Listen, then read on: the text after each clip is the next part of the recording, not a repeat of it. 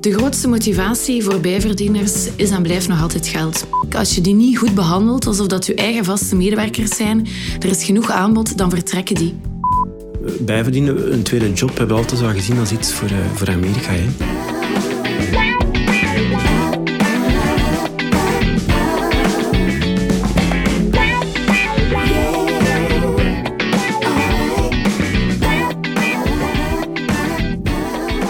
Luistert naar de HR Magazine podcast. Een bekende journalist interviewt twee experts over een actueel HR-thema.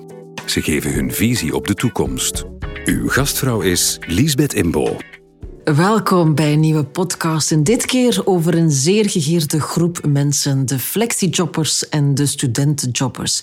NowJobs die zet daar volop op in. Dat is een eh, dochterbedrijf van House of HR. En onze gasten, Elin David, die is medeoprichter van uh, NowJobs. Welkom. En in haar kielzog heeft ze de intussen wel heel bekende, denk ik, trendwatcher bij Trendwolves meegebracht. Tom Palmaerts. Fijn jou terug te zien. Maar ik ga beginnen bij Elin. NowJobs, wat doen jullie? Wat, wat maakt jullie anders? NowJobs is eigenlijk een volledig digitaal uitzendkantoor voor bijverdieners. Misschien een leuke side note. Wij zijn uh, zes jaar geleden ontstaan uit sessies How to Kill Accent. Wat zou een digitale bedreiging zijn voor accent als je ziet dat disruptie vaak uit andere sectoren komt?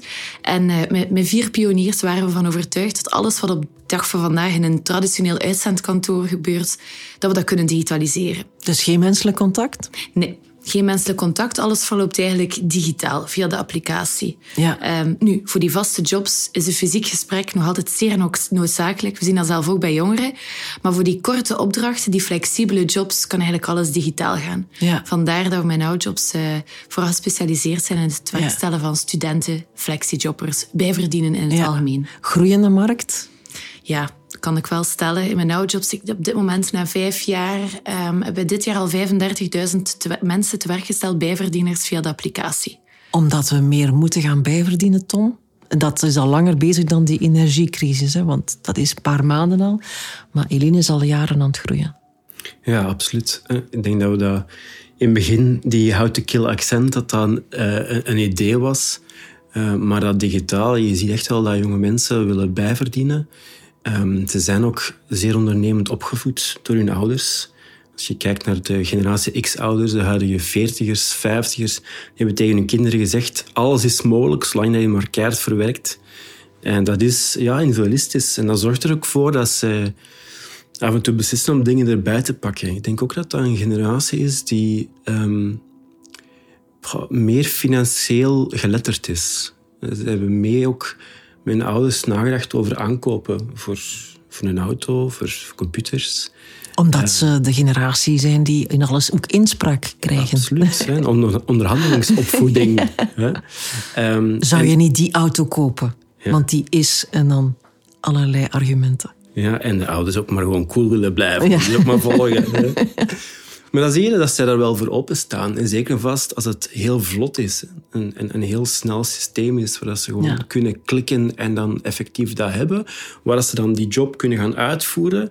En, en ook in een mum van tijd ook betaald worden. Ja. Zonder al te veel poespas en contracten. En... Is it all about the money? De grootste motivatie voor bijverdieners is en blijft nog altijd geld. Maar we zien ook echt een trend uitkomen dat niet enkel de behoefte is om bij te verdienen, maar vooral ook de zin. Uh, verschillende combinaties die meer en meer gemaakt worden, zeker met de opkomst van het flexistatuut. Wat je dan bijvoorbeeld vaak ziet, iemand dat uh, tijdens de week boekhouder is, dat dan in het weekend leuk vindt om sociale contacten te hebben in de horeca bijvoorbeeld. Dus mensen doen iets echt radicaal anders. Het is niet een job gaan zoeken, ik doe al boekhouding en dan ga ik op zaterdag elders nog wat bij gaan boekhouden. Nee, het zijn vaak echt verschillende combinaties die gemaakt worden. Ja. ja omdat mensen nu eenmaal ja, die switch nodig hebben, die verandering willen, of omdat ze eigenlijk aan het zoeken zijn naar misschien past er iets anders beter bij mij, waar moet ik heen? Ja, ik denk dat het verschillende redenen zijn. Um, ik denk voor sommigen een zoektocht is naar, naar wat doe ik graag. Uh, maar ook heel veel mensen willen gewoon variatie. En, en, en net die, ja, die handenarbeid opzoeken op het moment dat ze de tijd achter een computer zitten. Um, ik denk ook niet onderschatten, uh, een van de redenen is het sociale aspect andere mensen ontmoeten. Heel veel mensen ja, die komen dag in dag uit hun collega's. maar, maar er zijn ook nog andere mensen. En dan zie je toch wel vaak, zeker vast voor singles... Uh, of misschien ouders, uh, mensen die op een zeker moment alleen komen te staan, dat ze dat toch wel belangrijk vinden om ook nog andere mensen te ontmoeten, nieuwe dingen bij te leren. Dus je ziet toch wel tal van drivers waarom dat mensen in een bijjob stappen. Maar zeker vast vandaag gaat verloning een heel, heel belangrijke ja. reden zijn. Maar het zijn dus niet alleen jonge mensen, als ik jou hoor. Nee, nee, nee, nee zeker en vast niet. Ik denk dat je wel je ziet bij NowJobs dat dat wel de grote groep is. Ja, dat is de grote groep. Maar we hebben al dit jaar een verdubbeling van de flexijobs. En dan spreken we ook bijvoorbeeld over het 60-plussers, waar dat we in onderzoek dan zien dat die sociale contacten en iets bij, bijleren de grote driver is. Dat dat niet meer gaat over geld verdienen. Dus uh, je ziet, ja, het statuut wint alsmaar meer aan populariteit. Ja, je zou net denken natuurlijk dat zeker die zestiger uh, doordrongen is van de work-life balance en toch nog graag dan in het weekend of op de vrijdag toch graag nog gaat bijklussen om meer volk te leren kennen. Absoluut, maar je ziet dat dat vooral start na het pensioen kan als voorbeeld geven mijn eigen papa, die de laatste tien jaar van zijn carrière nog voltijds gewerkt heeft bij zijnzelfde werkgever, veranderde hij niet meer. En dan eenmaal dat zijn ontslag daar kwam, dat zijn pensioen daar kwam, dan, start hij, dan start hij, dan start hij in, in de job dat hij wilt als flexie dan, via een voordeliger statuut. Dus ik denk dat het belangrijk is met de krapte op de arbeidsmarkt. Er zijn nog altijd veel meer vacatures dan dat er mensen zijn die kunnen en willen werken.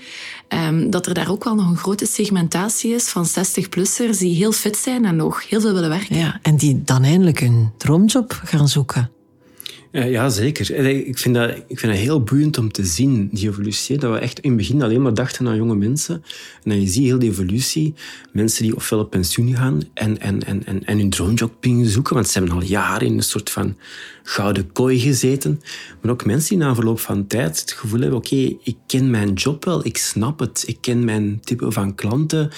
Uh, dus ik zoek naar nieuwe prikkels.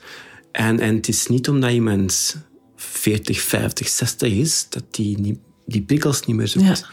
Um, dus soms is het, is het financieel, maar ook vaak is het gewoon die, die variatie opzoeken, die drang om iets te leren, te ervaren. Het is misschien ook een, een manier om het risico te beperken. Je kan iets proberen mm, zonder jouw vaste job op te geven. Is het dat ook? Zo al die tenen in het water gaan steken? Van, is het iets voor mij? Ja, ik denk dat dat zeker vast als je naar jongeren kijkt hoeveel weten die ervan wat dat ze echt willen? Ik bedoel, ga, ga uitproberen, ga testen. Uh, en dat is echt het, het, het fantastische aan, aan, aan flexijobs. Uh, spring erin, ervaar wat het is. Uh, denk ook, aan het, ook voor, voor, voor je persoonlijke groei. Ik denk dat dat echt wel een heel ja, interessante stap is. En zie je een verschil bij de, het aanbod? Namelijk dat werkgevers misschien nog liever een flexijobber hebben dan die student die komt bij klussen? Je werkt vroeger bedrijven alleen met studenten werkten tijdens de zomer, werken ze daar nu een, compleet jaar mee. Wat we nu vooral ook zien als trend bij de grote bedrijven, ze krijgen de vaste vacatures niet meer ingevuld. En dan komen ze bij ons aankloppen, ze zijn op zoek naar innovatieve oplossingen. Hoe kan ik mijn bedrijf hier draaiend houden? En dat is eigenlijk gaan, gaan werken, en we noemen dat een flexibele pool die wordt opgebouwd.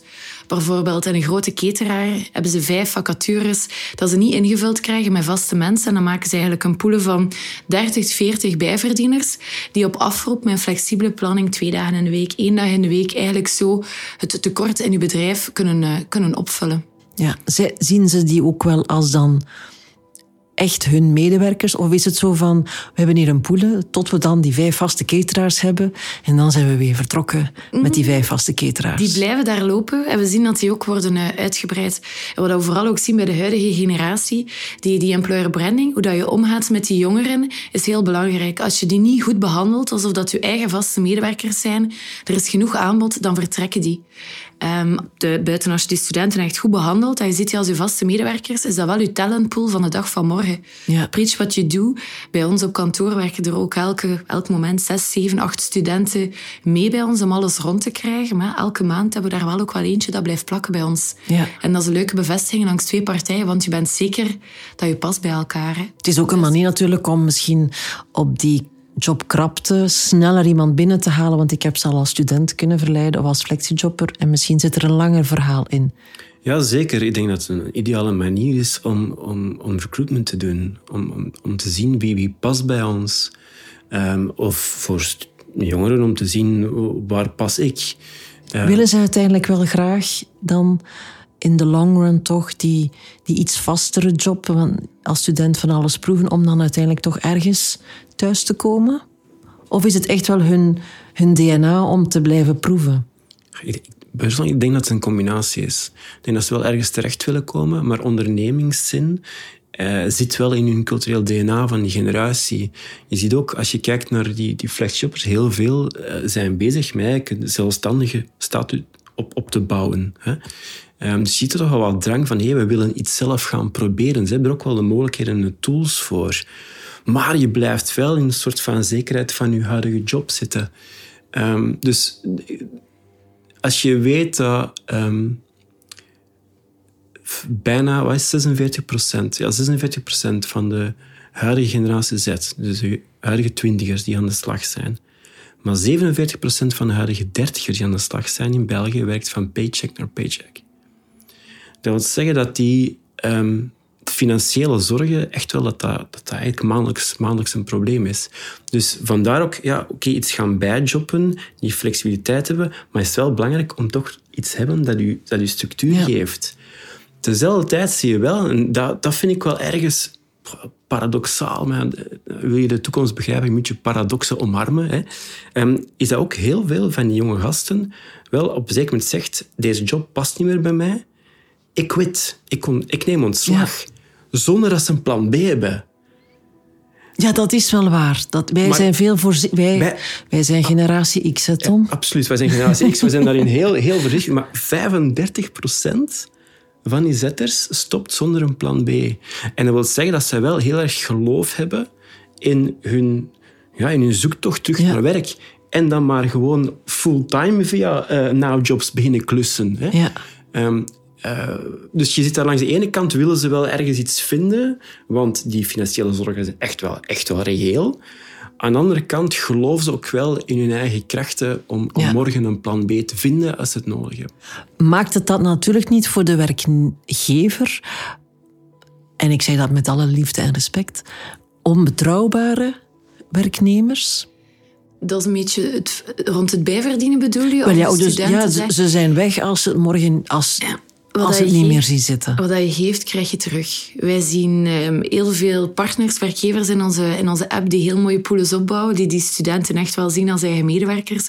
Maar we zien er ook waar dat er niet echt uh, dat er een beter beleid kan plaatsvinden. En daar zien we een grote turnover en veel verloop. Dus uh, ja, die, die employer branding, correct omgaan met al uw medewerkers is wel heel belangrijk. Als ik Tom hoor, hè, en ik ken Tom intussen een beetje, dat is inderdaad de generatie X, generatie Y, generatie Z. Als werkgever moet je daar bewust van zijn dat het allemaal andere letters zijn? Uh, ja, ze, functioneren anders. Waar dat er vroeger dat wij nog een, een maand een vakantiejob gingen gaan doen, is nu heel ad hoc. Die leven echt van dag tot dag. Dus als bedrijf is het niet ook altijd evident om, om je plannen te gaan maken. En dat, dat vraagt een bepaalde shift. Hoeveel keer dat ik al het gesprek heb gehad en ik wil op een week op voorhand, mijn, een maand op voorhand mijn organisatie plannen. Een week op voorhand kan er wel gepland worden met die mensen. Maar een maand op voorhand of twee maanden op voorhand, ja, dat kan je gewoon niet met die generatie. En je kan die generatie ook niet meer veranderen. Die zijn wat dat ze zijn. Dus het zijn de, de werkgevers die gaan moeten veranderen om met die generatie te leren omgaan. Ja. Zie je echt zo verschillen? Kan je dat echt zo zeggen van... Als bedrijf moet je anders aan omgaan met X, Y, Z? Uh, je moet er... Ja, maar... je begeeft me op heel glad ijs. Generatie denken uh, krijgt kritiek en terecht. Uh, het is zo, iedereen eh, van een generatie is niet dezelfde persoon. Ik bedoel, als je in België volledig gestudeerd hebt, of je hebt sociaal werk gestudeerd, of je hebt niet gestudeerd, bedoel, dat is, dat is echt een gigantisch groot verschil. Um, als je spreekt over generatie, dan spreek je over gemiddelde. Je kan zeggen dat 70% van de Belgen X denkt. Of je kan zeggen dat 70% van generatie X dit denkt. Um, dan spreek je over een gemiddelde van een bepaalde leeftijdscategorie. Nu, wat maakt het DNA van een generatie? Dat is eigenlijk een combinatie van aan de ene kant de waarden normen dat ze doorkrijgen van hun ouders en de wereld waarin dat zij opgroeien. Het feit dat generatie Z nu via najobs zo vlug aan de slag kan en een job kan vinden, is dankzij de evolutie in technologie.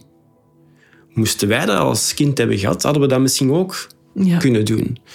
Dus je, je, dat bepaalt een stukje mee wat dat je doet en hoe vlot dat je dat doet. Wij gingen een vakantiejob zoeken inderdaad van een maand en waren er een half jaar op voorhand mee bezig. Ja. Nu... We hadden ook geen iPads om, om tussen ons mee bezig en te nu verwachten zij dat. En, en dat, is niet alleen in werk. Zie naar, zie naar de hele wereld van dating.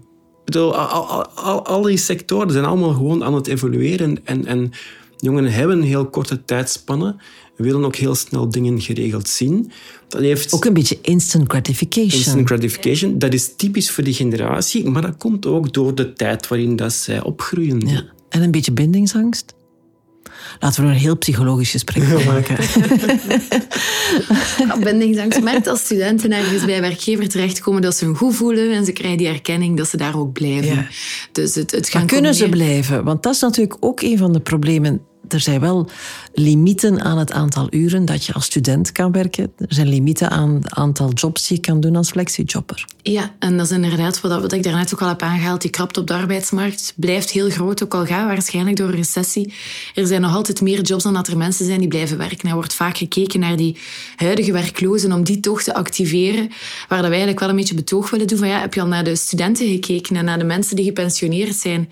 Een zeer fitte populatie die eigenlijk wel meer wil en meer kan werken en op meerdere jobs kan ingeschakeld worden dan alleen maar de handjesjobs. Bijvoorbeeld student marketing, die eigenlijk al kan meedragen op de marketingafdeling van een bedrijf. Um, we hebben ook onderzoek gedaan bij de studenten en 50% geeft aan dat ze eigenlijk meer dan die 475 uur willen werken. Um, het gemiddelde dat naar boven kwam was 600 uur per jaar. En dan waarom niet zo onbeperkt laten werken in de vakanties? Wat houdt dat op dit moment tegen? Wat is de logica achter die hoeveel? 400? 475, ja, Dat is een, een rekenoefening dat gemaakt is. Komt overeen met ongeveer eh, in drie maanden werken als studentenjob. Omdat je anders andere jobs van andere mensen inpakt? dat is het idee. Dat is eigenlijk de, vakbond zelf ook met de, de flexijobs. Uh, wij streven voor een uitbreiding naar alle sectoren. In alle sectoren kan dat eigenlijk van toepassing zijn. Um, is er nood aan zo'n werkkracht? Is er overal een krapte? Uh, maar dat wordt een stuk tegengehouden omdat ze schrik hebben ja, dat we de jobs van de vaste mensen gaan afnemen. Maar we mogen ook niet vergeten, we hebben in februari een onderzoek gedaan. Eén op de drie studenten klust bij om rond te komen. Nu, dat was in februari. We gaan deze week het onderzoek opnieuw lanceren. En 60% van de, van de Belgische bevolking geeft aan te willen bijverdienen. Ik ben benieuwd naar wat er nu uit onderzoek gaat komen dat we deze week doen. Gaan ze willen bijverdienen of gaat het zijn van moeten bijverdienen? En dat is een beetje het jammer dat we nu zien, dat er vaak nog zo'n taboe heerst over dat bijverdienen. Terwijl dat, dat eigenlijk iets moois kan zijn. Dat dat een extra belevenis kan geven, een extra voldoening in je leven, een, nieuw, een nieuwe competentie dat je aanspreekt. Je bedoelt een, een taboe, uh, Tom, dat betekent ik moet bijverdienen, dus dat betekent ik heb het krap. En dat we dat niet altijd zo gezegd willen hebben bijverdienen, een tweede job, hebben we altijd zo gezien als iets voor, uh, voor Amerika. Hè. Ja, omdat ze niet rondkomen. Waar het geen goede vangnet en uh, in België doe je dat toch niet zeker. Dan, dan, dan moet je echt wel in de problemen zitten. Uh, terwijl dat we nu misschien door de context allemaal wat in de problemen zitten. En dus misschien gaat het idee van een tweede job ja, dat dat een, een wave gaat worden en, en dat we dat ergens normaal gaan vinden. En gaan we misschien binnen twee, drie jaar, als we hier eindelijk kunnen uitspurtelen, uh, misschien wel dit als een nieuwe uh, realiteit zien. Ja. Uh, maar ik denk dat het, het maar echt niet onderschatten de impact van al die, al die zaken en, en, en hoe dat financiën, verloning echt zo belangrijk is voor, die, voor mensen ja. te koer dat, dat, dat, ja, als je zoveel mensen wakker liggen van geld, dan ga je meer mensen zien die tweede jobjes willen doen. En die willen allemaal niet in de horeca gaan staan. Ja, maar natuurlijk een, een groot woord eh, van afgelopen jaren, en nu is het purpose geworden, maar vroeger was het work-life balance. En daar ging ook elk gesprek bijna over. Um, ja, als je twee jobs doet, dan wordt die work-life balance opeens minder belangrijk. Ja, ik, ik denk dat we het denk als je, als je wakker ligt van eind van de maand te halen, dan gaan we niet meer spreken over work-life balance. Maar dus op termijn kan dat betekenen dat mensen zich nog al heel jong gaan opbranden of voorbij lopen? Absoluut, absoluut. Ik denk dat we daar serieus bewust van moeten zijn. Je ziet trouwens al, uh, nog voor COVID uh, was ik al aan het vragen, mensen, pas op met die jongeren vandaag, die willen ervoor gaan, als is mogelijk, zolang dat je maar keihard voor werkt. Dat wil zeggen dat het aan jou ligt, dat, dat het bij jou zit.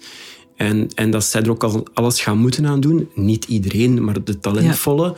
Ehm, en, en misschien wel in overdrive gaan en tegen hun 25 snel hun eerste een burn-out gaan hebben.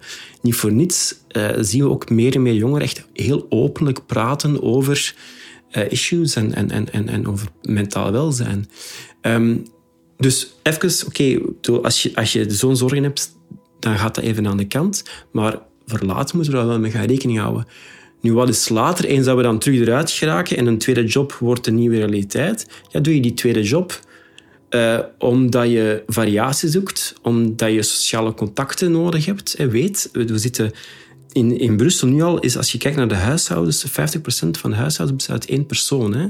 We verwachten dit het, het gemiddelde tegen 2040, 2050 in heel België. Uh, we zitten, als je kijkt naar generatie Z, 54% voelt zich regelmatig eenzaam. Hè. Dus, dus uh, die driver van, van sociale contacten ja. gaat een heel belangrijke zijn. Eigenlijk gaan we nog meer zullen gaan werken om, om te leven. Tuurlijk. En dan is dat, is dat niet stress. Is dat, is dat die balans? Ja, dat, dat is een, een, verhaal geweest van inderdaad voor het purpose-verhaal. Dat vind ik nog altijd een heel belangrijk verhaal. Mm. Want als we alles gaan blenden met elkaar, dan gaan we onze kop tegen de muur lopen op een zeker moment. Je kan ja. dat maar voor een bepaalde periode doen.